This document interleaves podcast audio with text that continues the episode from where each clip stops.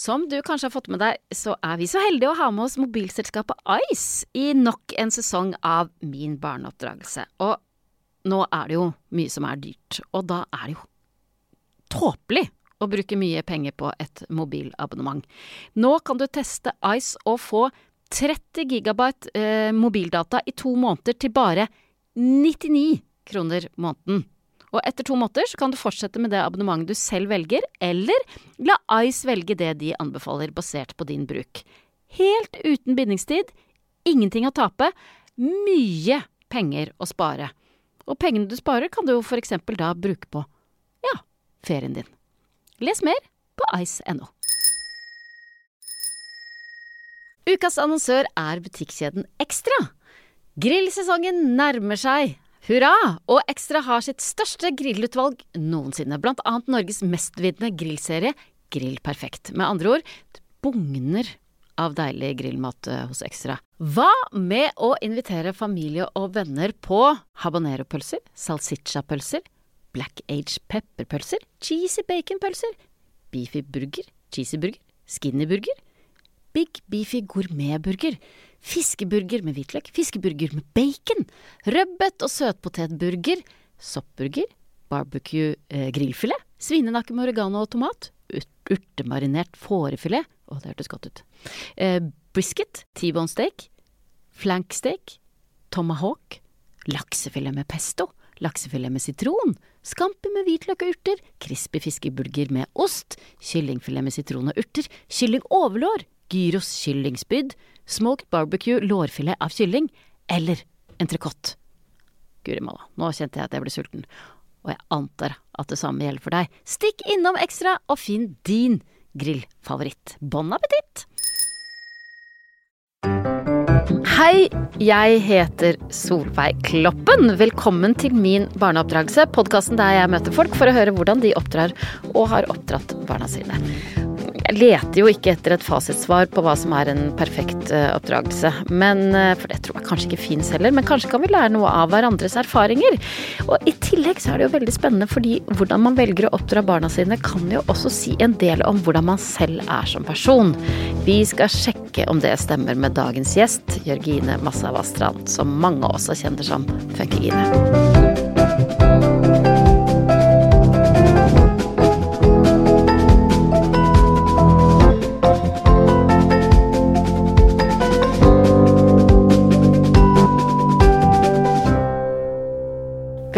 Velkommen hit. Tusen takk. Veldig hyggelig å ha deg her.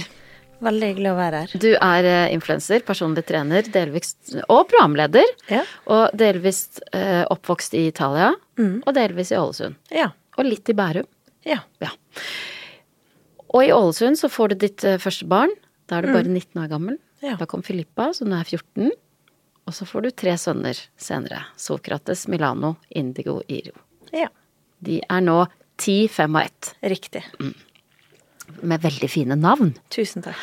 Eh, nå, aller først så skal vi prøve å kartlegge hva slags mor du er for dem. Ja. Altså bare litt sånn hurtig Bare eh, sånn en hurtigrunde aller først.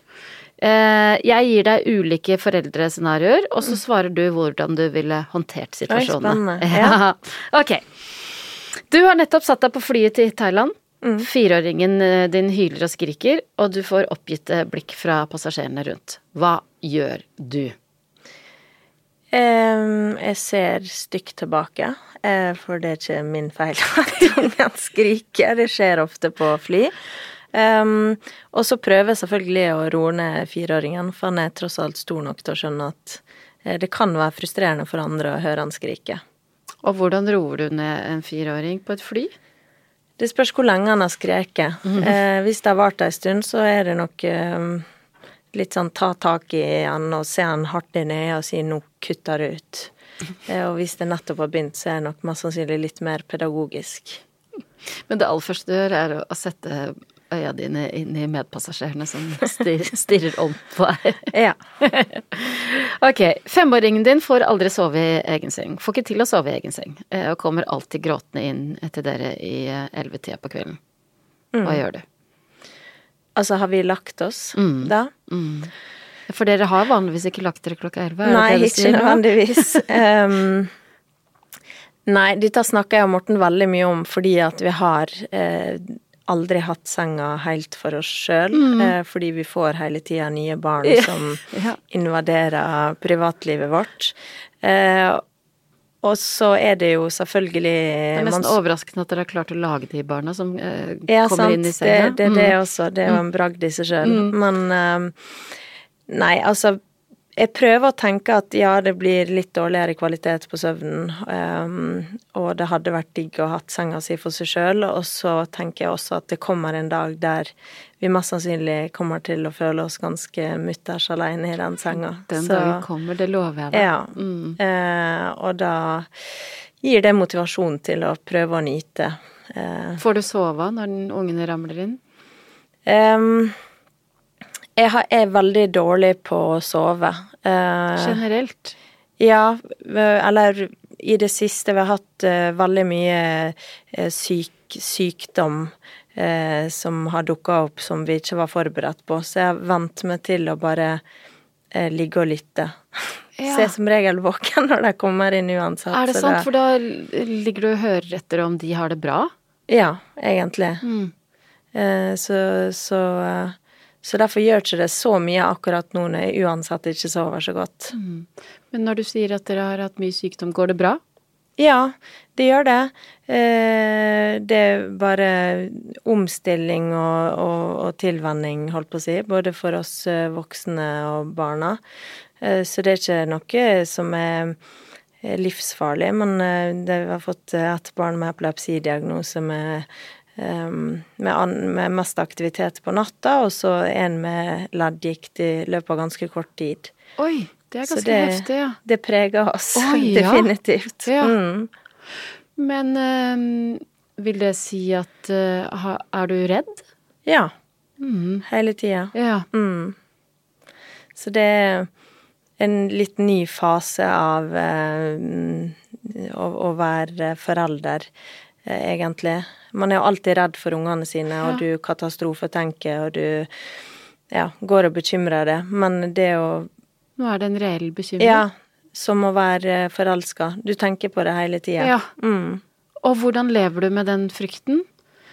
Jeg lever ganske greit med den. Altså, det, det fins verre ting, og alt tyder på at eh, alt går bra. Men eh, man er kanskje litt sånn konstant uh, unntakstilstand-modus på et eller annet vis. Um, så jeg gleder meg til ting roer seg, og man kan kjenne at liksom livet er vanlig igjen, kanskje. Mm. Og hvordan For jeg eh, tåler dårlig å sove lite i lengre perioder. Da kan jeg bli ganske hissig. Mm. Hvordan er det med deg? Jeg er nok mer hissig enn jeg bruker å være, selv om jeg tror jeg er ganske hissig til vanlig også. um, men eh, eh, jeg tror ikke jeg kommer til å se kanskje hvor hissig jeg har vært før jeg kommer ut på andre sida. Og det er jo det man er god på som foreldre, liksom. Du står i det, og så kan du heller se tilbake på det etterpå og tenke Oi, shit, dette var jævlig, liksom. Men det er utfordrende for eh, eh, et eh, par også å få, få syke barn. Mm. Hvordan takler dere det? Nei, jeg, jeg tror det Man bare takler det på en annen måte. Eh, og så er, skjer det jo masse gøye, fine ting, og det er jo ikke sånn at livet har stoppa helt opp. Um, men eh, jeg tenker vel at det kommer ei tid der vi kan være kjærester igjen, på en måte. Sikkert. Ja, det gjør det. Ja. Ok, nytt dilemma. Den 13 år gamle sønnen din har lånt PC-en din, og når du får den tilbake, så er søkeloggen full av ulike pornosøk. ja. Ja, hva, hva gjør du? Hva sier du? Um, nei, jeg har jo ikke kommet dit ennå, men ehm, jeg har jo hatt uh, ganske mange brødre som har drevet med lignende ting. Jeg hadde nok ikke klikka. Um, jeg ville vel heller satt meg ned og tatt en prat om det. Mm. Har du tatt en prat med noen av brødrene dine? Det har vært noen situasjoner, ja. Um, og så har vi alltid bodd så tett. For hvor, hvor mange år yngre er brødrene dine? Um, jeg har en som er ett og et halvt år yngre enn meg, og så har jeg en som, eller to som er åtte år yngre enn meg. Eh, og to til som er tolv år yngre enn meg, elleve år yngre enn meg. Men vi har bodd lite, så det har vært vanskelig å skjule det de driver med. Ja, Um, men hva, hva har du sagt til dem da? Hva sier du? Hva sier man? Um, at jeg skjønner at eh, man er nysgjerrig, og, og akkurat den pornobiten Jeg vet ikke om jeg hadde vært sånn superbekymra for akkurat det, men kanskje mer sånn eh, hva type porno, eh, og hvor, og er det andre ting som kan dukke opp? For jeg skjønner jo at liksom når du er 13 år og full av hormoner, at det du syns det er spennende å se på folk ha sex. Men eh, jeg vil jo ikke at de skal se på all type sex nødvendigvis. Ok. Du oppdager at din eh, 14 år gamle datter dater en åtte år eldre fyr. Mm. Hva gjør du? Da så måtte jo vi tatt en prat. Um, og jeg har jo vært den tenåringen sjøl som har data mye eldre fyrer. Og har en mamma som alltid har vært streng, men samtidig også vært veldig flink på å la oss finne ut av ting på egen hånd. Um, og så tror jeg det funka dårlig å være bare kvele det helt. Men heller finne ut sammen hvordan vi kunne løst det på en litt bedre måte. Um, Data du fyrer som var åtte år eldre enn deg da du var 14? um, ja, ikke åtte kanskje, men fem. Ja. Åtte er kanskje litt i meste laget. Men jeg hadde en kjæreste som var fem år eldre enn meg. Oi. Mm. Um, men når mamma var veldig sånn Skulle ha han med meg hjem, hun ble kjent med Ja. hun ble kjent med foreldra. Og så fant jo vi en form på det som var litt mindre ut, utrygg enn at jeg skulle holdt på å tuske med helt på egen hånd Ja. uten at noen hadde innsikt i hva vi drev med. Ja. Mm. Så hun fikk vite mer fordi at hun var litt åpen, rett og Ja. slett? Mm. Mm. ok. Du eh, fersker din eh, 16 år gamle sønn i å smugrøyke bak huset. Ja, da det klikka. Ja, da hadde det klikka, Ja, ja. da det klikka. Røyk, på røyking. Ja, det gidder ikke. Nei. Altså, det er sånn Og jeg snuser, og det er helt forferdelig. Men bare fordi jeg er dum, så betyr ikke det at jeg skal la ungene mine være tjukke i hodet. Eh, Så det der eh, Der setter jeg ned foten og kommer med alle tenkelige trusler jeg kommer på. Ja, ok. Mm. Ja, hvilke da? Eh, altså alt.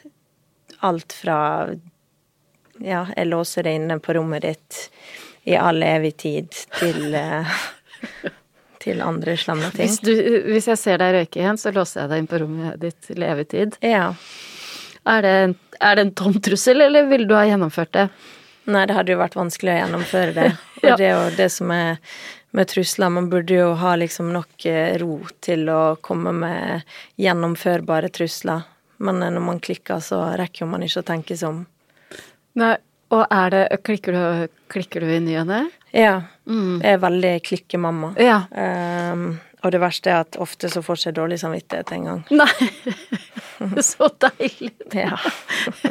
Du lever godt med det. ja, for jeg gjør egentlig det. Men for, og når du klikker eh, Hva var det siste du klikka for? Em, altså, jeg klikker i hvert fall en, dag, en gang om dagen fordi jeg er drittlei av å høre at jeg krangler. Og Ja. det er sikkert derfor jeg ikke får dårlig samvittighet, for jeg syns det de utsetter oss for med den kranglinga som pågår hver time de er sammen, er så uh, irriterende at de fortjener at jeg mister det. Um, Er det da de tre eldste som krangler? For Ja. jeg regner med at ettåringen sitter han bare, bare og bivåner. Ja, han er søt, og de alle er snille med Indigo. Ja. og, så, og når du klikker, eh, da, er det da høylytt klikking? Ja, ja. Ja. Roping. Mm. Mm. og trusler? Ja, ja. Men det er interessant at du sier at du får ikke dårlig samvittighet heller, så du, det er ikke sånn at du føler at du må sette deg ned etterpå og si unnskyld for at jeg klikka? Nei, ikke Nei. nå for tida. Nei. Før var det nok mer sånn at uh, Men nå uh, Nå tror jeg verken jeg har overskudd sjøl til å liksom reflektere nok over uh, klikkinga mi, og uh, de er såpass irriterende for tida at uh, jeg får så dårlig samvittighet. Og hvordan reagerer de når du klikker? Um, nei, det som er dumt, er at jeg er vant til det, sant. Eh, Så det er ikke så slagkraftig når jeg hørte det sist for to minutter siden. Eh, Det som alltid funker, er hvis du begynner å grine. Ja. Um, Hender det at du bruker det kynisk? nei, det klarer jeg ikke. Nei. Eh, Men jeg er alltid litt sånn fornøyd inni meg når de får se at eh, dere sliter oss Ja, ut, liksom. nå er mamma så sliten Ja. at hun begynner å gråte. Ja. Da gir de seg.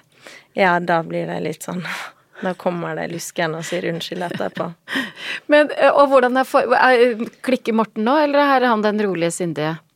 Morten er rolig og sindig, så det er veldig mye mer punch Den, den da, når han klikker? når han klikker, ja. Mm. ja. Da blir de litt satt ut og litt sånn Hva skjer nå? Mm. Og hvordan forholder han seg til din klikking?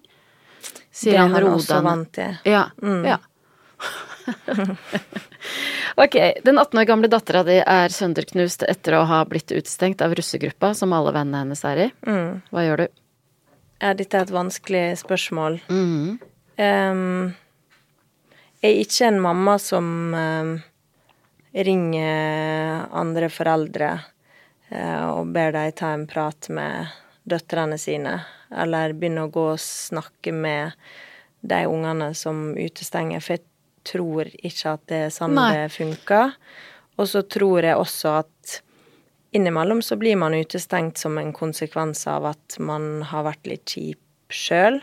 Og jeg prøver å være veldig realistisk når det kommer til ungene mine i forhold til at uh, de ikke er noen englebarn. Eh, og at jeg har ei datter som har mye bein i nesa og er glad i å sjefe, og at det ikke alltid er like lett å forholde seg til for andre. Um, så jeg prøver stort sett alltid å finne ei løsning sammen med ungene mine. Ja. Um, og hvis dette det viser seg at folk har vært drittunger og bare ekle, liksom, da er det bare sånn Du vil ikke være med disse folka. Jeg vil ikke du skal være med dem, og du vil ikke være med dem, for sånne drittvenner skal ikke du ha. Um, Men når ringer du andre foreldre, eller ringer du aldri andre foreldre? Jeg gjør sjelden det, fordi jeg tenker at Jeg tenker at det er bedre å løse det sjøl, med hjelp og støtte fra oss hjemme. Og ungene mine vet at jeg hadde gjort alt for dem, eh, og at eh, eh, det som er mest nærliggende når noen er idioter mot barna dine, er å gå og filleriste dem, liksom. Um, men jeg ønsker at de skal finne en måte sjøl. Og hvis det ikke funker med folk, så tror ikke det hjelper å tvinge seg på eller eh, la mora til den personen eh, tvinge ungen din inn i gjengen. Da tror jeg du må finne andre venner. Men, og hvis eh, du får en telefon fra en annen mamma eller pappa om at et av dine barn har utest mobba, eller eh, hva gjør du da? Ehm, jeg tar det jo på alvor, og det er jo ikke det at fordi jeg ikke ringer sjøl, så betyr ikke det at jeg ikke ønsker å få den informasjonen eh, fra andre nødvendigvis. Så det er jo en litt sånn rar greie kanskje nå når jeg sier det høyt. Men i veldig mange tilfeller, når jeg får en telefon, så tenker jeg at dette kan de løse opp i sjøl. Og klart, systematisk mobbing og utstenging er noe helt annet, men stort sett så gjelder det enkelthendelser som har skjedd. Og da tenker jeg at eh, ungene har godt av at vi ikke involverer oss og forteller dem hva vi tenker, og gir dem masse ekstra ord og masse ekstra greier som de tar med inn i diskusjonen, som kanskje ikke er ting som de nødvendigvis ja, har kommet på Og opplever du at det fungerer? At de stort sett klarer å løse det òg? Ja, jeg gjør egentlig det. Ja. Ok, Jørgine, nå har vi fått en følelse av eh, hvordan du er som mor. Eh, og nå skal vi undersøke litt den, hvor denne moren kommer fra. Eh, vi skal grave litt mer i ditt liv. For du har jo også blitt oppdratt av noen. Eh, dine første år bodde du i Ålesund sammen med Ja. mammaen din. Hva, hva husker du best fra årene der? Eh, jeg husker at jeg bodde i ei lita leilighet på et sted som heter Aspehaugen, eh, sammen med mamma. Og at eh, vi sykla mye, for vi hadde ikke bil. Og at vi ramla et par ganger på isen på sykkel, husker jeg. Um, og at eh, jeg gikk i en barnehage som heter Framarålen, og hadde en kjæreste som heter Fredrik, og ei bestevenninne som heter Hanne. Og at alt egentlig var veldig fint og Ja, flott. ja, for grunnfølelsen når du tenker liksom tilbake, hvordan er den? Eh, bare fint. Hva slags oppdrager var moren din? Eh, en person som eh, tok ting veldig som det kommer. Eh, som alltid var der, og som eh, var en veldig sånn tilstedeværende mor. Men som eh, ikke nødvendigvis hadde en sånn supertydelig plan, tror jeg. Ja, hvis det gir Mm. Ja, mening i det hele ja. tatt. Hvor gammel var hun da hun fikk deg? Eh, 24. Ja, ganske Mm, ung. Ja. Mm. Du bodde jo bare i Ålesund til du var fire år, ikke sant? Mm. I første omgang. Men kan du huske noen regler du hadde? Eh, nei, ikke Ikke fra den tida? Nei. Eller jeg, husker at eh, vi bodde høyt oppe i etasjene, og at eh, Og mamma nekta å bære med, og at jeg ofte satte meg ned i bunnen av trappa og skreik. Ja. Og så kom det en nabo som heter Synnøve, og bar meg opp. Sikkert fordi en kombinasjon av å være et veldig godt menneske og ikke orke å høre på at jeg skreik lenger. Ja, Ja. Fikk moren din med seg det? Ja, og det tror jeg beskriver mamma godt som eh, mamma. Hun har på en måte ikke vært den mammaen som kanskje har tenkt over ok, hvordan fremstille eh, dette med eh, som forelder. Jeg tror jeg har gjort de tinga som ja. hun har syntes har vært riktig der og da. Hun har ikke bry- brydd seg så mye om andres blikk? Nei, det tror ikke jeg. Nei, Er, er du ikke. på samme vis? Eh, ikke så mye, men eh, i samme gata, ja. Ja. Mm. ja. Hvilke situasjoner er det du kjenner at oi, nå blir det litt ubehagelig, for nå tenker andre at jeg er en sånn mamma. Eh, Kanskje når du kjefter i offentlighet, og så merker du sånn Ingen hører på meg. Ja. Og folk får Ja. med seg at du har unger som bare ikke bryr seg Ja, om ja, det du ja. sier. Og at det kan jeg synes er sånn Ja. Det er flaut. Oh, ja. Mm. At eh, barna, barna mine har ikke respekt for meg, rett og slett. ja. Mm. Mm. Du kjenner kanskje litt ekstra på det fordi du er den du er, at du alle vet hvem du er, da. Ja, det er klart man får en følelse av at folk følger bedre med hvis de ser et, eh, et kjent ansikt, så det kan jo hende at det er en konsekvens av, av det også. Mm. Det er gøy å se Jørgine, Funkygine, miste kontrollen på Kiwi på Jessheim. Mm. Og det skjer så ofte fordi de er så mange, og så er de er så spredt i alder, og han på ett år, han, han skjønner jo ingenting, mens han er oppdratt av eh, tre eldre søsken som Så han er Han er jo, ja en veldig krevende fyr å, å følge etter, og kunne jo ikke brydd seg mindre om de beskjedene han får, åpenbart. Men tror du ikke, eh, når folk ser deg miste kontrollen på Kiwi, tror du ikke at eh, folk syns det er liksom godt å se òg? Jo. Og Først og fremst? Ja. Det er mer når det bikker over, når det er sånn 'Å, dette var gøy', sånn 'Å, nå, nå velter de ting ut av hyllene', og det er litt morsomt når en ettåring gjør det. Men så merker han femåringen at folk ler, og Mm. så begynner han også. Og så er det sånn 'stopp', stopp! Og det blir bare høyere og høyere, ja. men ingenting skjer. Åh, åh, det ja. ja, det, det syns jeg ikke er noe Ja. hyggelig. Men og hva gjør du da? Nei, det, det fillerister jo de til slutt, da. Fordi at det er akkurat som med de ungene jeg har, så er det sånn Jeg må stoppe dem. Jeg må ta tak, godt tak i dem. Mm. Og så må jeg se dem inn i øynene og si liksom Nå. Hvis ikke du slutter, så legger du det før middag. Og det Og skjer, jo heller aldri. aldri. Mm. Så det Ok, tilbake til din barndom, da. Eh, For du flytter inn med faren din når du er fire år. Ja, fem. Da, fem. Du flytter inn eh, Du og- Trude, mammaen din, flytter inn sammen med faren din når, dere, når du er fem. Da flytter dere til Bærum. Mm. Eh, For da prøver de Å være sammen. være sammen igjen. Eh, Hvordan var det? Eh, si- en dårlig match. Ja. Sikkert like dårlig match som det det var den gangen de, Fikk barn. de lagde med og bestemte seg for å gå hver til sitt. Um, det som er veldig morsomt, er jo at mamma rekker å bli gravid rett før de går fra hverandre med tvillinger.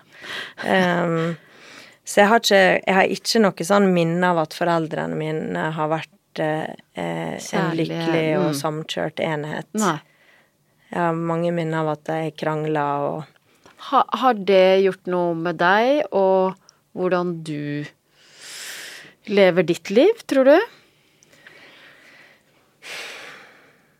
Jeg vet faktisk ikke. Um, Men kan du huske en uro? Ble du urolig av det? nei, det er det. Jeg blei aldri Altså, jeg hadde jo ikke hatt veldig nært forhold til faren min fordi vi nettopp hadde blitt kjent. Men jeg har alltid vært så veldig tett knytta til hun mamma. Så hun har vært det fundamentet jeg har trengt. Så jeg kan ikke huske en eneste gang i løpet av oppveksten min at jeg har følt meg utrygg, enda mamma har tatt med oss på masse sjukt. Ja. Hun har flytta, og vi hadde ikke leilighet, og vi måtte flytte til en annen Altså, det er bare sånn På en måte kaotisk. Veldig kaotisk Mm. oppvekst, egentlig. Eh, men aldri kjent med uttrykk. Nei. Mm. Hvor lenge um, holdt de ut da? Eh, tre år. Ok. Mm. Og, og faren din hadde da fått eh, En annen sønn. en annen sønn. Mm. Hvordan var ditt forhold til han? Eller, Eh, eller hvordan var det å få en bror? Sånn Det var egentlig mye enklere enn å få en far, Ja. fordi vi var to barn som blei kjent. Eh, og det gikk eh, veldig fort. Ehm, så det med pappa tok nok mer tid, og var mer sånn en prosess som egentlig har vart litt gjennom hele livet. Ja. Mm. Men nå har du et nært forhold til faren din. Ja. Mm. Um, ja, og hvordan opplevde du da at de gikk fra hverandre igjen? Det syns jeg ikke var trist eh, i det hele tatt. Jeg følte egentlig aldri at de var sammen heller. Nei. Mm. Så det gikk fint. Mm, mm. Og så flytta du og tvillingene og moren din til Italia. Ja. Mm. Hvorfor? Eh, For faren din er italiensk, men Ja. han ble igjen i Norge, eller? Ja. Så mamma ville vi skulle lære italiensk, så hun solgte huset, og så flytta vi. Og da husker jeg at vi kom til et sted som heter Lago Maggiore, og så sånn typisk mammating, sånn den leiligheta vi egentlig skulle ha, den eksisterte ikke. Hun hadde blitt lurt. Men oh, det er ikke sikkert hun hadde blitt lurt. Det kan hende hun hadde glemt det ned på Altså, det er litt sånn hun mamma er. Eh, så da satt vi på med en mekler som visste om et sted i San Remo, der var mamma litt kjent, for hun hadde guider der, så da dro vi dit, og så dro, så vi på hotellet i fire måneder. Em, og så leide vi ei leilighet etter det. Og tvillingene var bitte små? Ja. Hvor små? Um, ett, eh, to år eller noe sånt. Ja. Og reiser ned til Italia med alt dere har, altså svære kofferter og hele livet deres, egentlig. Og hva var planen da, eller var det ikke noe plan? Planen var bare at vi skulle lære oss eh, italiensk, og så blei resten litt til underveis. Og det, det er sånn min oppve oppvekst Ja. har vært. Ja, At um, Tatt litt ting på G-filen og ja, gjort uh, ja, mye rart, egentlig. Mm. Og er du likedan? Jeg er mye mer på planlegginga, og det er sikkert som er det en kons- konsekvens av uh, hvordan Absolutt. du vokste opp? Mm. Men også litt det samme impulsive som mamma allikevel. Ja. Du har det i deg? Ja. Mm. Og jeg tror også jeg har i meg det med mamma som er på mange måter et litt sånn kaos av et kvinnemenneske, eh, men som allikevel liksom greier å gi det en trygghet som ingen andre gjør. Eh, jeg håper og tror at jeg også har det, sjøl om jeg liksom klikker mamma og alle disse tinga her, så aldri ungene i tvil på Din kjærlighet? ja, eller eh, hvor langt jeg er villig til å Ja. strekke meg for deg, eller støtte deg i, eller Ja. Mm. Mm. Men du, og i Italia Etter hvert så fant dere dere en leilighet. Var dere da i nærheten av dine besteforeldre, eller var, var det ikke noe familie rundt? Å ja, nei, dette er i Nord-Italia. Ja. Faren min er fra Sør-Italia, okay. så vi kjente ingen, nei. Nei, det Nei. var bare dere. Det var oss, ja. Og moren din begynte å jobbe der etter hvert? eller? Ja, og mamma eh, begynte å jobbe. jeg, hus jeg husker ikke helt hvordan dette var, men eh, Ja, hun, hun ble vel kjent med faren til Noah, som er broren min, som blir født litt seinere. Så begynner hun å jobbe som meglerassistent i hans firma. Ja. Mm. Og så ble de da kjærester. Ja, så ble de kjærester. Ja. Men eh, og, og kan du huske For da begynte du på skolen, da? Ja. Hva husker du best fra tiden i Italia? Altså, jeg husker jo at det ikke var så enkelt å få innpass i eh, altså skolemiljøet, og at det at jeg ikke kunne språket heller ikke akkurat var en fordel. Eh, og at det at jeg var blond og hadde eh, blå øyne, sikkert Had, eh, var du blond? Jeg var lyshåra da jeg var Var yngre. Mm. Eh, så ja, det var litt sånn Jeg måtte brøyte litt plass Ja. i starten. Um, men uh, Og hvordan forholdt moren seg, din seg til det? Var hun sånn som eh, prøvde å mm, brøyte vei for deg, eller eh, sto hun og observerte, eller dytta hun, eller Altså, jeg tror det er litt reft det jeg sa i sted, sånn ikke blande seg inn når ungen din har det vanskelig, men allikevel stå såpass på sidelinja at ungen din får en følelse av at det går, går ting til helvete nå, da er jo mamma her, Ja, og, ja. og jeg har alltid følt sånn Og mamma banka livdriten ut av det til slutt. Det har aldri skjedd. Men det å ha den tryggheten om at liksom som en sykt tøff og ustabil storebror, liksom, Mm. eh, bare i, i bakkant eh, har gitt meg liksom trygghet til å prøve. Og også det at jeg vet at om mamma hadde Hun kan bli sint for ting, men man kan alltid forklare henne ting. Altså hvorfor jeg har gjort sånn, eller Ja. hvorfor valgte det, og så finner vi ut av Ja. det. Så jeg har jo ikke alltid vært eh, en hyggelig unge liksom på skolen og med, med andre jenter, men mamma har vært flink til å kanskje se hva som har ligget bak, da. Ja. Mm. Mm. Tenker du fortsatt at hun ville banka livskiten ut av folk som Ja, ja. Ja. 100 Ja. mm. Og så hadde du en barnepike der nede. Mm. Francesca. Ja. Eh, hadde hun noe å si for din oppdragelse? Ja, eh, Hvem var hun? hun var eh, bare I Italia er det veldig vanlig å ha leksehjelp, eh, for det er jo eh, ti ganger så mye lekser som på en norsk skole. Eh, og så var ting eh, litt turbulent hjemme eh, fordi at eh, mamma hadde fått seg ny kjæreste, og eh, det syns jeg var vanskelig, for det hadde alltid vært med og mamma. Og jeg var vant til å få lov til å være med og bestemme og passe på brødrene mine, og så plutselig var det en annen voksen. Eh, så det, det var slitsomt sikkert for å, både og mamma og meg. Så jeg var, tror jeg, der litt for avlastning for Ja. meg sjøl, egentlig. Et sted Ja, for du var ganske mye hos hun eh, Jeg var der en gang i uka over natta. Ja. Mm. Mm. Og så fortsatte jeg med det ja, i lang, lang tid. Ja. Mm, Sjøl når ting var mye mer stabilt hjemme i forhold til ja, den nye Føler du at hun oppdro deg på et vis? Altså delvis, liksom? Eh, Nei. Nei. Nei. Nei. Jeg føler jeg har hatt en veldig sånn en, er tydeligvis en oppdragelse jeg absolutt ikke greier å sette ord på, men jeg har hatt en veldig tydelig oppdragelse. Ja.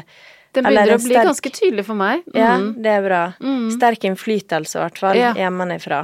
Mm. Mm. Har du fortsatt kontakt med Francesca? Ja. Ja, Mm. så fint.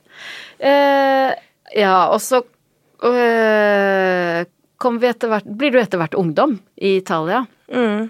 Eh, hvordan var det? Eh, veldig turbulent.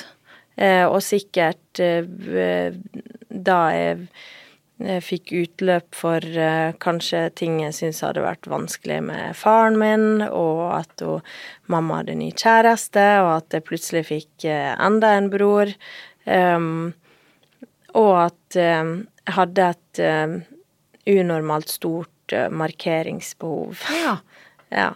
Eh, og alt det blanda sammen skapte eh, en um, En uh, veldig ekstrem tenåring.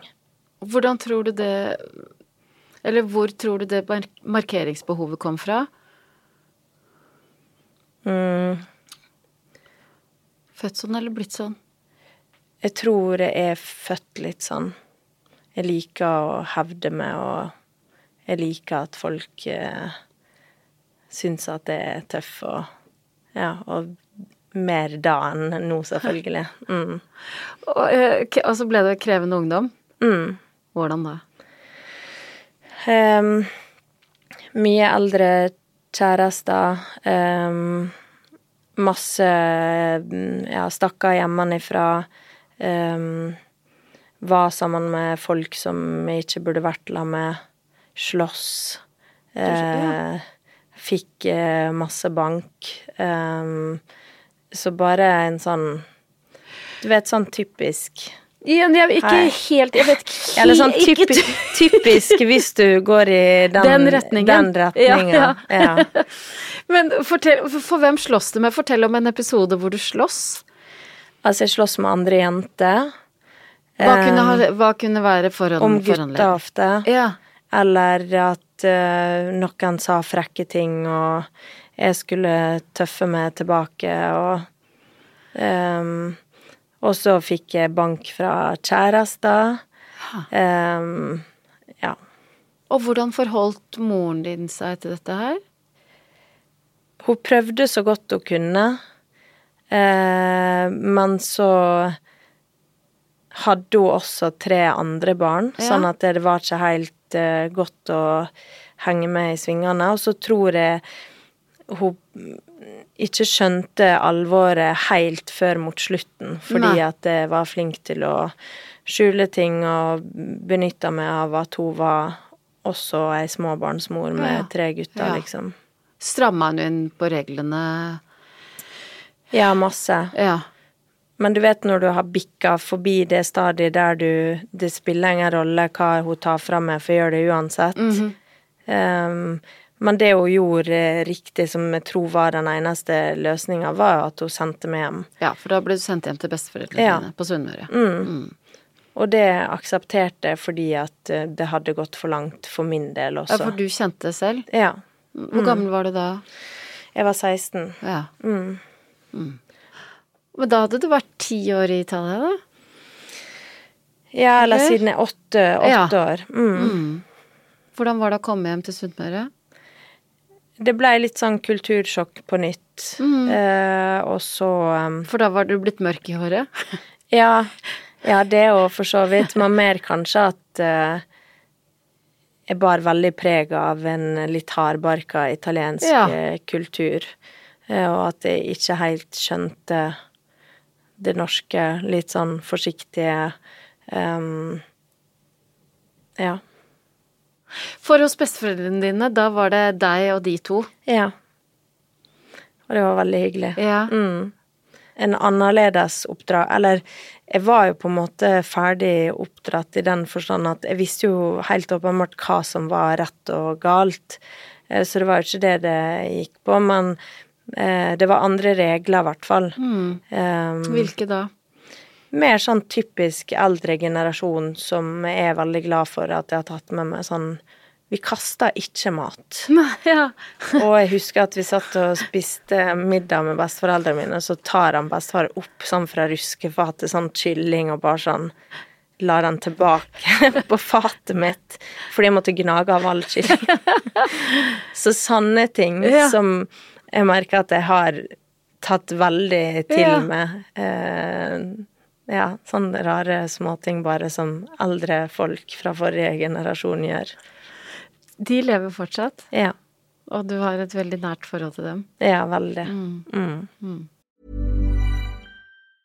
Hiring for your small business? If you're not looking for professionals on LinkedIn, you're looking in the wrong place. That's like looking for your car keys in a fish tank. LinkedIn helps you hire professionals you can't find anywhere else, even those who aren't actively searching for a new job but might be open to the perfect role. In a given month, over 70% of LinkedIn users don't even visit other leading job sites. So start looking in the right place. With LinkedIn, you can hire professionals like a professional. Post your free job on linkedin.com/people slash people today.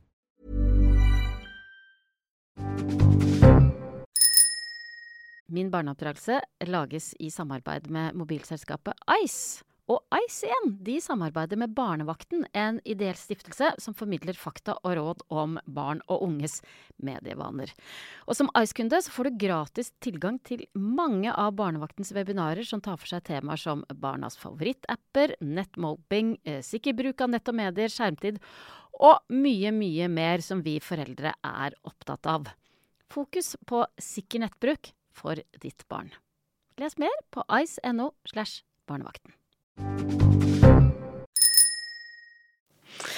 Eh, hva, hva likte du best med din egen oppdragelse?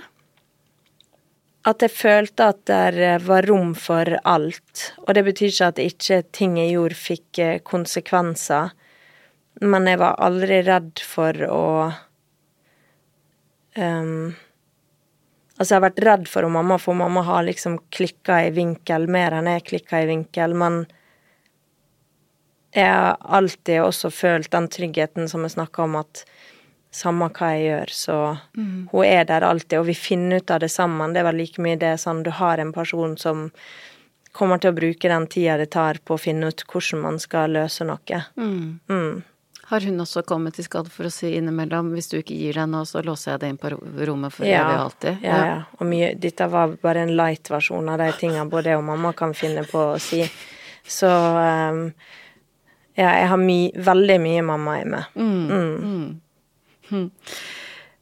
Hvis du kunne ha endra på noe, hva ville du ha- endra på? I oppveksten min eh, ingenting. Ehm, altså, klart de tenårene mine var veldig krevende for mamma, men jeg tror også at eh, det hadde skjedd såpass mye som jeg heil, ikke helt greide å sette ord på og få utløp for de følelsene, at den eh, tenåringsperioden på speed, liksom, eh, var eh, noe jeg trengte å gå igjennom. Og hva vil du gjøre hvis et av dine barn eh, oppfører seg på samme vis som du gjorde? Og det håper jeg aldri skjer.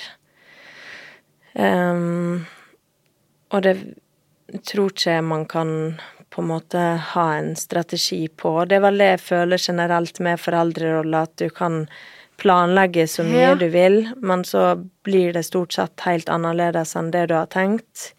Eh, Og fordi jeg ble mamma når jeg var så ung Ja, for du, du ble mamma mens du Altså, du var bare 19 år. Du gikk på videregående. Ja, eller jeg var ferdig Fa- på videregående det året. Kan du huske hvor du var da du oppdaga at du var gravid?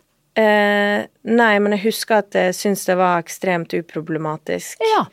Eh, og at hun mamma var Hun syntes det var tidlig, og hun syntes at det, det var um, Ja, et, et sjokk på et vis, men samtidig så var det også sånn Dette bestemmer du. Eh, gjør det du føler for. Og jeg følte for å beholde. Ja. Eh, og hadde absolutt ingen plan. Nei. Og syntes at det funka såpass bra at jeg fortsatte med det. Ja, for man, når man blir gravid som 19-åring, da har man ikke rukket å tenke gjennom hva slags forelder skal jeg være. absolutt ikke. Eh, og så er det så vanskelig å tenke over hva forelder skal jeg være når du ikke vet hvordan ungene dine skal bli. Eh, så det er jo Og jeg tror at jo eldre du er Hadde jeg blitt mamma for første gang nå, så hadde det vært noe helt annet. Hvordan da? Jeg hadde hatt veldig mange flere ting å være redd for Ja. og prøve å avverge eh, og, og planlegge for at det og det ikke skal skje. Ha tanker om hvordan jeg skal være mot barna mine, hvordan jeg ikke skal være. Men så Jeg tenkte jo ikke sånn, og så har det blitt naturlig å fortsette å ikke tenke Ikke sånn. tenke. Ja, for hvis du nå hadde, som du sier, blitt mamma for første gang nå, og had, skulle tenke hvordan mamma hva, Hvordan skal jeg være eller ikke være?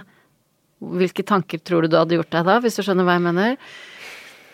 Jeg tror det er for vanskelig Jeg greier ikke Ja, å relatere relatere meg til Jeg føler jeg har vært mamma hele Ja. det voksne Det livet mitt. Mm. Um, Og barneoppdragelsen har blitt til underveis? Ja, samtidig som jeg har vokst. Og så har jeg jo sikkert gjort eh, ting som jeg ville løst på en annen måte, eller absolutt løst på en annen måte nå, men så tenker jeg at ingen har tatt skade av det. Og så er jeg opptatt av at akkurat sånn som hun mamma har um, delt med oss, altså ikke ting vi ikke trenger å vite, man skal selvfølgelig skjerme ungene sine for en hel del ting, men vi vi har også vært med mamma på å finne ut av ting. Så jeg tror i større grad enn i andre familier så er jeg oppdratt som en um, Som en enhet Ja.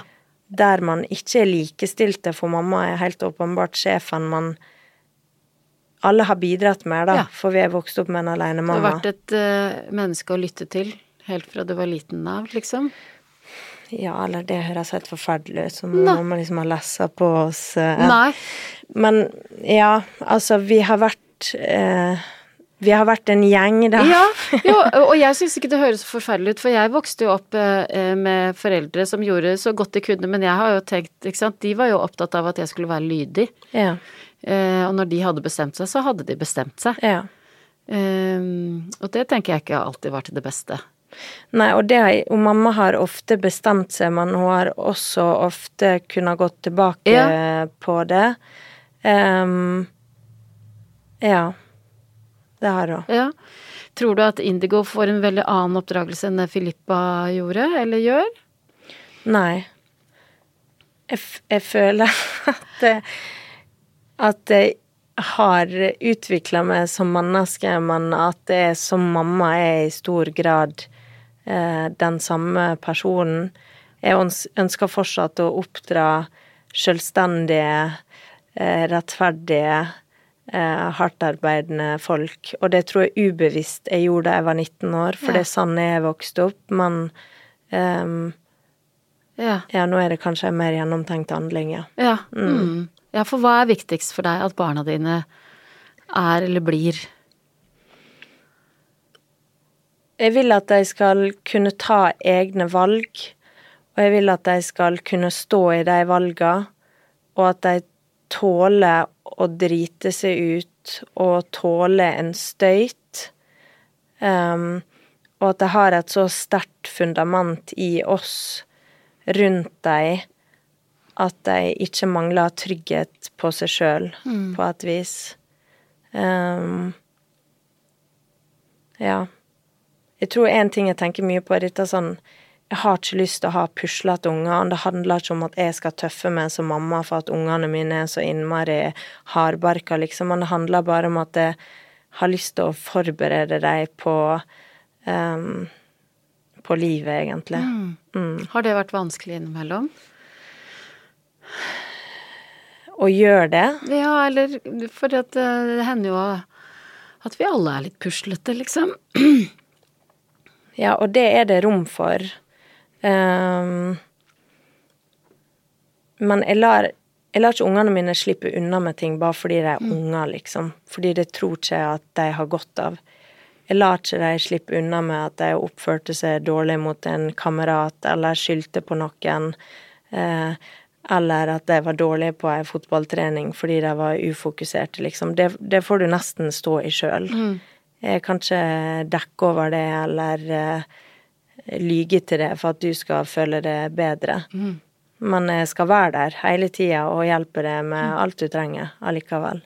Er det noen av barna dine som ikke liker, liker idrett eller aktivitet? Eh, nei. Nei. Der har de ikke noe valg. Nei, og så Og det der føler jeg sånn Å, selvfølgelig, ungene til funkyene, de blir sikkert eh, tvunget ut i idrett og fysisk aktivitet. Det er liksom ingen kjære mor. Men det handler ikke om det som jeg kanskje er tolka at folk tolker det som. Um, det handler mer om at jeg vet ehm, ut, altså, med den jobben jeg har hatt de siste åra, og de folka jeg møter gjennom jobb, jeg vet hvor mye det betyr for folk å være i stand til å eh, være fysisk aktiv, kunne delta på ting, føle seg sterk, eh, føle at kroppen ikke er begrensning. Og det grunnlaget, det legger man nå. Um, fordi for meg har det Det har aldri vært et alternativ å ikke bevege seg. Så jeg trenger ikke å stå i en situasjon nå som 34 år og tenke 'hvordan skal jeg trene'? Eller 'hvordan skal jeg bevege meg'? Har du alltid gjort det? Har Det du har alltid vi- trent mye? Eller vi har alltid Vært i aktivitet? vært i aktivitet. Og det tenker jeg er et utgangspunkt som gir så mye livsmestring og gir så gode forutsetninger for å takle andre situasjoner i livet at det er det er ikke et alternativ å ikke bevege seg. Mm. Nå, Men- du, nå setter du øya i meg. ja. Men jeg vet heller ikke hvordan det ser ut å ikke bevege seg, for skjønner, jeg skjønner ikke hvordan man kommer dit heller, men jeg vet at Og jeg det ser for meg at i deres familie så er det like naturlig som å, å drikke vann og, og spise mat, liksom. Ja, Mm. Det gjør man bare. det gjør man bare. Ja. Bare. Men har du vært, er du en mamma som leker med barna dine? Setter du deg ned og leker sånn fantasileker med dukkene og Å ja, sånn? nei. Nei. Eh, akkurat sånn som min mamma, så syns jeg det er gøy å gjøre ting jeg syns er gøy. Ja.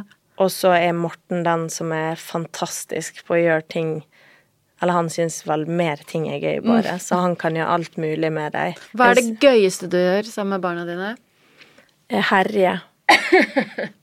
mm. Ehm, ja, når alle bare er litt sånn øh, sånn modus. Um, og- Løpe rundt, eller eh, mølje i senga, eller Ja, begge deler? alt mulig. Mm. Eh, det som er synd, er at det ofte ender i krangling. Ja, ja. Um, men frem til det ender i krangling, da er det liksom Da ser jeg det er hele familiens greie. Jeg ser for meg at det er ganske mye lyd hjemme hos dere, ja. Og det er veldig mye lyd. Vi, jeg tror vi er Altså sånn Nå var vi på treningsreise i to uker. Vi er familien fra helvete for folk som vil slappe av. Um, og der Der lar jeg det gå til vi får kjeft. Altså, det er jo flere Når jeg hadde færre barn, så kunne jeg Ja. prøvde jeg å liksom være litt sånn OK, folkens, vi må roe oss. Men nå så tenker jeg sånn Nå later vi som ingenting helt til eh, hotelldirektøren kommer og banker på og sier at det, vi får klage helt fra eh, rommet på motsatt side av hotellet. Ok, Jeg må prøve å få et enda tydeligere bilde av hvordan liksom dagene hjemme hos dere er. Er det sånn, har, har, har dere noe triks for å få barna til å sove? Er det faste leggerutiner? Um, altså, de to eldste legger seg sjøl. Ja. Um, det les, har det vært lesing eh, på Ja. senga og sånn? Men eh, det er det slutt med med de to eldste. ja, de leser sjøl. Ja. Eh, og så leser vi for han mellomste, og han minste, han ja, har ikke roa til å lese ei bok. Ehm, så eh, legginga i seg sjøl er ganske smooth, egentlig. Eh, men det er jo mer alt som skjer etter alle skal ha sovna, som er det slitsomme. ja, for hva foregår da? Nei, jeg våkner litt, og så skal jeg inn og sjekke at folk lever, ikke sant, og så blir jeg usikker, puster du, og så holder jeg dem for nesa for å se at jeg puster, og så våkner de, og så eh, våkner de seg sjøl, og så er det noen som tisser seg ut, og så Det, det er jo mange, sant, så det sier jo seg sjøl at det er fire folk, eh, fire forskjellige ting. Det er et liv på natta òg. Ja, det er det. Eh, hvordan er det med TV-tid, skjermtid? Har eh, klare regler der? Det er vel kanskje en av de tinga som jeg blir mer og mer bevisst på, har mer og mer en plan rundt. Og, og det handler om at det er den tingen som jeg syns er mest vanskelig og mest skummelt. Um, og det jeg kanskje er mest usikker på hvordan skal løses, det er når, hvor mye, eh, hva, under eh, hva regler og hva plattformer.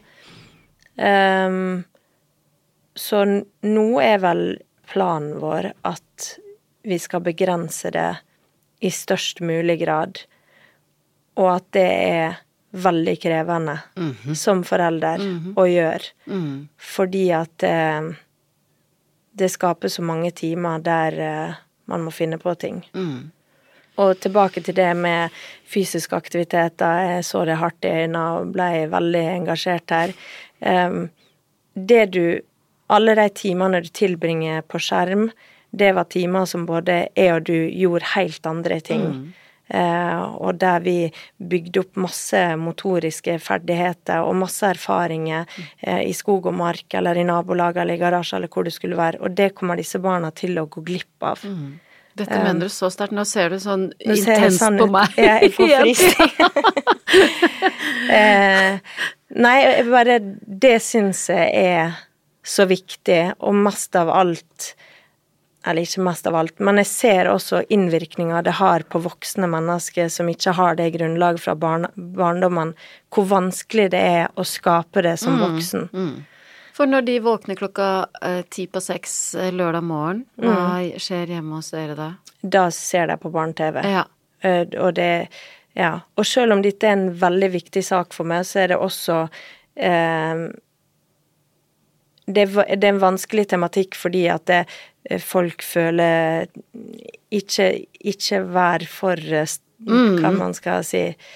Fordømmende og mm. Ja, og jeg er ikke det, og jeg skjønner så godt utfordringene, og jeg gjør så mye dumt som mamma, jeg kjefter så mye på ungene mine, og jeg, jeg gjør så masse feil, men tenk hvis det er én ting du skal liksom ha fokus på, la det være det. Eh, Og så har jeg så stort forbedringspotensial, jeg også, når det kommer til disse tinga. Det er ikke det. Jeg bare tenker det er så bra hvis vi kan ha fokus på det. Hva syns du er det beste med perioden når barna er små? Um, det er vel det som er på en måte det slitsomme også, at jeg er så forferdelig avhengig av det. Ehm, og at det er en veldig god følelse. Ja. Mm. Kjenner du det nå i forhold til Filippa, at hun er i ferd med å løsrive seg og fly ut? Ikke enda. Vi får fortsatt lov å være veldig tett på, og er en 14-åring som deler med oss. Ja. Um, men det er kanskje annerledes med guttene, når de er litt mer eh, introverte når det kommer til følelser og sånne ting, at vi kanskje ikke får ta like stor del i det de føler og opplever når de blir eldre. Ja, for hvor, hvor åpne er dere hjemme hos dere? Hvor mye snakker dere om følelser? Vi er veldig åpne. Det tror jeg på. Eh, og jeg vet, sammenligna med mannen min som Jeg vokste opp i en fantastisk eh, kjernefamilie med mor, far og, og to, to brødre, så har vi noe sånn unormal um, um, høyt under taket Ja. i forhold til å, å si ting, både fra vår side og uh, ungene sine, og det er jo litt sånn vi er oppvokst. Altså Noah ringer mammaen, han mista jomfrudommen. Ja. Det er broren min. Um, Ha, broren din ringte moren din? ja, altså det, Alt er veldig Ah, åpent ja. i min familie, og det har vi tatt med oss inn i Ja. Man sier hva som har skjedd, og man sier hva man føler. Ja, man gjør det. Mm. Uh, og, et- og litt i forhold til den tryggheten. Det er nok kanskje litt av det som har skapt den tryggheten også. Der. Ja, det at du vet at det blir mottatt eh, på mm, en bra måte. Ja, ja. Eller du vet i hvert fall at du kan si det, og så kan jo man være uenig, men at det du Du blir aldri dømt Nei. eh, på grunn av det. Mamma er en veldig lite dømmende Ja. person. Ja. Mm. Men du, og alle følelser er lov, da, vil jeg anta. Ja. Mm. Uh, ja. Så alltid vært veldig sånn åpen, og jeg er jo veldig åpen med meg eller sånn Er jeg misunnelig nå? Er de, og det er sånne ting jeg alltid har snakka med mamma om. Ja. Og som jeg vil at hun Filippa skal snakke med meg om, og guttene. Sånn, hva føler vi, hvorfor føler vi dette? Og så være ærlig med oss sjøl på hva det er som egentlig ligger bak. Det tror jeg gjør eh, Eller man sparer seg for, for mange Altså kjipe ettervirkninger, da. Eller ja. konsekvenser Ja, av ja, å ikke være ærlig når man først Men du, men sånn Men øh, når du har det temperamentet du har mm. øh, Og det kjenner jeg meg igjen i. Jeg kan også klikke, liksom.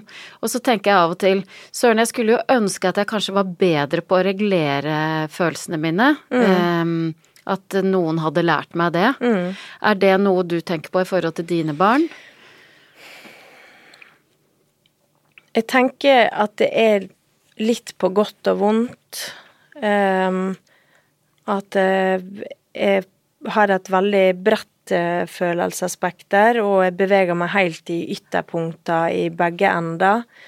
Og at um, de får uh, litt uh, klikke-mamma og litt irrasjonelle, mm. kjipe mm. mamma, men så får de det igjen i motsatt ende. Um, på Håper jeg at jeg føler, i hvert fall. Men og sånn i forhold til regulering av dine barns følelser, er det noe dere er bevisste på å jobbe med? Nei. Nei. Eller Nei, altså jeg har jo ikke Gud, vi høres ut som vi driver med sånn frioppdragelse. Nei, nei ja, men, det, men eh, og, og, jeg sitter og tenker akkurat Har vi jobba noe med å regulere følelsen til barna våre? Jeg vet ikke, kanskje man gjør det Altså, man gjør det sikkert sånn når de, når de klikker, så, ja. så, er jo man Du kan ikke klikke sånn, mm -hmm. sier de da.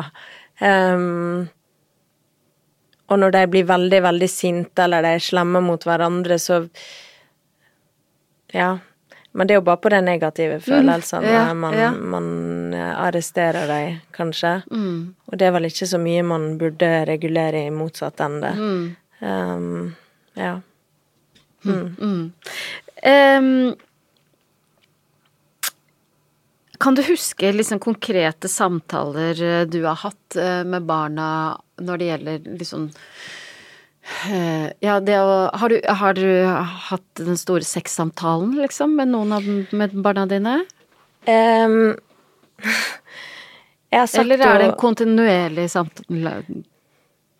Altså, det som er med ungene mine, er at de vokser opp egentlig en søskenflokk som er større enn bare deres. For det har jo mine tre søsken som er veldig tett på um, som behandler deg som småsøsken, så de får med seg veldig mye yeah.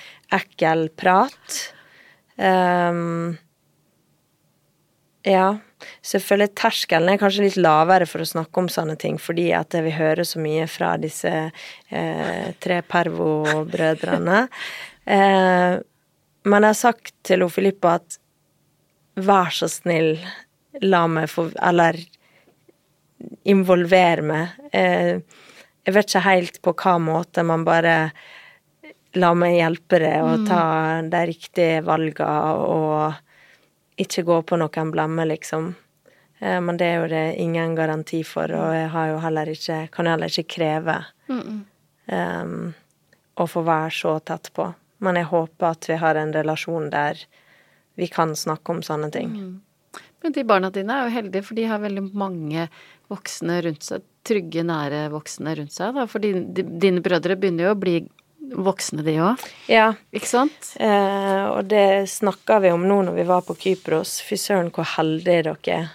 Eh, fire unger på tur med fem voksne. Ja. Eh, og alle er flinke til å gi deg tid og oppmerksomhet. Bor brødrene dine på Jessheim òg? Nei, de bor i Oslo. Ja, men, men det, er, det er mye hos oss. Ja. Mm. Um, hvordan snakker du med barna dine om penger? Um, altså uh, Vi snakker kanskje ikke så mye om penger, men mer sånn Jeg er jo vokst opp med en mamma med lite penger. Um, vært veldig vant til arving. Eh, vært på slalåmdag med skolen på langrennsski. Mm. Eh, alltid litt for store klær, sko å vokse i. Um, og det har ikke gjort meg noe annet enn at det har uh, muligens gjort meg til en tryggere person, fordi at jeg har ikke hatt uh, mulighet til å henge med på trendene som har vært, og hatt mm. den og den jakka, eller og da har man måttet ha stått i ja, arvejakka di, mm -hmm. mm. og det tror jeg er veldig bra. Um, og det prøver jeg å fortsette med med mine barn. Ja, selv om din økonomi sikkert er ganske mye bedre enn ja. min sin var? Og det er vanskelig. Ja. Fordi det er fort gjort å kjøpe nye ting når de trenger det, og Ja, når Filippa kommer hjem og sier alle de andre jentene i klassen Å nei, det hadde jeg aldri sagt ja til. Nei. nei. Men mer sånn at når du har råd til å kjøpe ei ordentlig boblejakke, Ja. så gjør jo du det. Mm. Og så kjenner jeg likevel på sånn Åh, nå har ungene mine ei skikkelig dyr boblejakke. Og det er ikke nødvendigvis fordi noen andre har den, men det er bare sånn De har bra utstyr. Mm. Og at det Det vil jeg egentlig ikke. Nei. Eller Mm. Skjønner du hva Ja, jeg jeg skjønner hva du mener. At jeg vil ikke ha sånn Jeg vil ha bare barn som ikke tenke at eh, utstyr er forutsetning for å gjøre det ene eller det andre, og at eh, arving er kult, og ting kan være hull i, og det kan være litt tynnslitt, og um, Så vi greier det til en viss grad, men så Hvorfor glipper det, da? fordi at det, så skal man på en tur, ikke sant, eller de skal være med meg på hundekjøring, og så trenger vi klær som er ordentlig varme, Mm. og så trenger man det akkurat der og da, og så går man og kjøper det. Og så har man muligheten. Ja. Mm. Um, Men den derre eh, alle de andre jentene i klassen har, den går du aldri på. nei, det, det der Der stiller jeg krav til ungene mine i forhold til sånn Du er tøffere enn ditt. Ja. Um, ja. Får de ukelønn? Nei. Hvorfor ikke? Eh, fordi de gjør ingenting. Nei. Og hver gang jeg ber dem å gjøre noe, så gjør de det så, så dårlig at ehm, at det, det er ikke verdt pengene. Jeg må gjøre det sjøl uansett. Og vil det si at uh, 14-åringen ikke har egne penger å bruke, eller? Jo, eh, og Filippa får betalt for å hjelpe til med søsknene sine. Ja. ja. Mm. Så nå når vi var på treningsreise, fikk hun betalt for hver gang hun hadde indigo, sånn at både jeg og Morten kunne trene. Mm. Så, og der hjelper hun jo på ekte til. Ja, ja. Men jeg gir ikke Mens når de vasker Nei, sant. Det er jo ikke De vasker jo ikke. Jeg vet ikke hva de gjør. Men um, De sprayer med GIF ja. går over med dopapir. Ja, sikkert. Mm. Og så har ikke vi Og der er vi dårlige. Ungene våre er ikke flinke til å Eller de kan ikke ting. Fordi at det er såpass mange at vi har ikke tid etter sånn Sokrates, nå skal jeg lære deg hvordan du vasker badet. Så derfor gjør vi bare det, og så Mm. det er kanskje det jeg reier enkleste. opp senga Mm. eller noe. Mm. Gnager det deg, eller er det sånn som du tenker ok, Jeg sånn ble rekker det? ikke å tenke over det. Nei. Eh, I disse dager så gir du ut ny bok. Ja. Fortell. Ja, vi har jo egentlig vært inne på det flere ganger. Det handler om barn og aktivitet. Aktivitet. Ja. Eh, så det er aktivitet som bok for barn og foreldre, som er bare veldig mange forslag eh, på ting du kan gjøre ute. I alt fra nabolaget til skog og mark eh, i sommerferien, eh, på bilferie.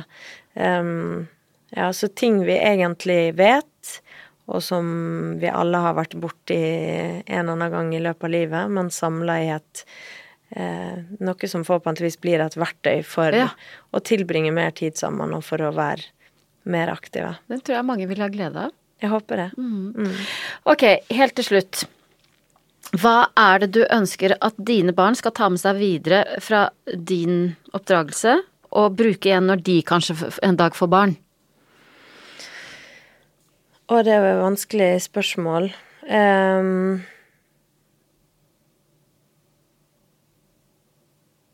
altså, jeg håper Det er kanskje ikke svar på spørsmålet, men jeg håper at de skal være like knytta til hverandre som det vi er, fordi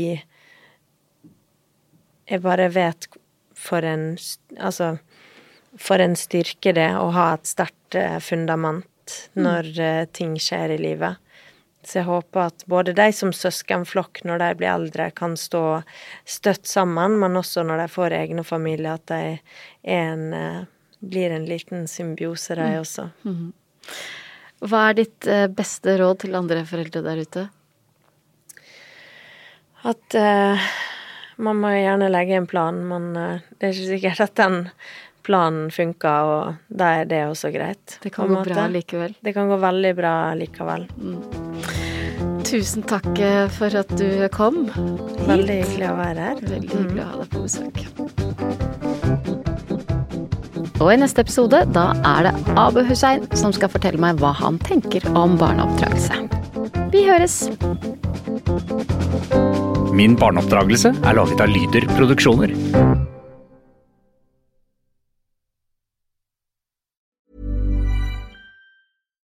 Deserves the best, and there's no better place to shop for Mother's Day than Whole Foods Market. They're your destination for unbeatable savings, from premium gifts to show-stopping flowers and irresistible desserts. Start by saving 33% with Prime on all body care and candles. Then get a 15-stem bunch of tulips for just $9.99 each with Prime. Round out Mom's menu with festive rosé, irresistible berry chantilly cake, and more special treats. Come celebrate Mother's Day at Whole Foods Market. Hey, it's Paige DeSorbo from Giggly Squad.